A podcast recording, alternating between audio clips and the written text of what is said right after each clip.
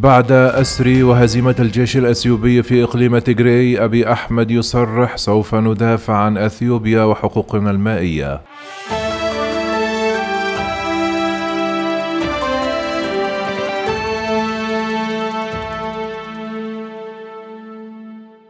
دعا رئيس الوزراء الأثيوبي أبي أحمد علي الخميس المواطنين الأثيوبيين إلى دعم جهود الملء الثاني لخزان سد النهضة معتبرا أن ذلك يعد دفاعا عن سيادة بلاده.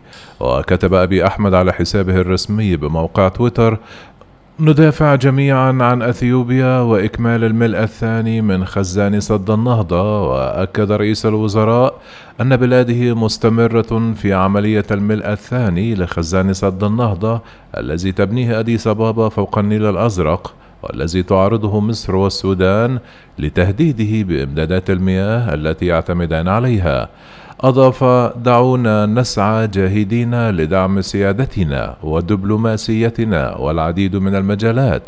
تأتي هذه التصريحات قبيل ساعات من اجتماع مجلس الأمن الدولي بشأن خزان سد النهضة وقدمت تونس لشركائها الأربعة عشر في مجلس الأمن الدولي مشروع قرار يدعو أديس بابا إلى التوقف عن ملء خزان سد النهضة بحسب ما أفادت مصادر دبلوماسية قبل يومين.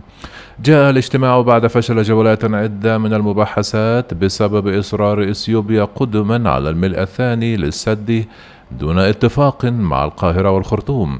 وكان الرئيس المصري عبد الفتاح السيسي قال في وقت سابق أن قيام مصر والسودان بالتوجه إلى مجلس الأمن الدولي للنظر في قضية سد النهضة جاء نتيجة للتعنت المستمر ومحاولات فرض الأمر الواقع من جانب إثيوبيا.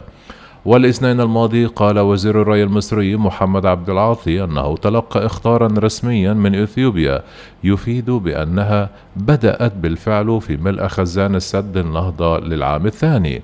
كما رفضت مصر هذا الإجراء ووصفته بأنه تهديد للأمن القومي المصري.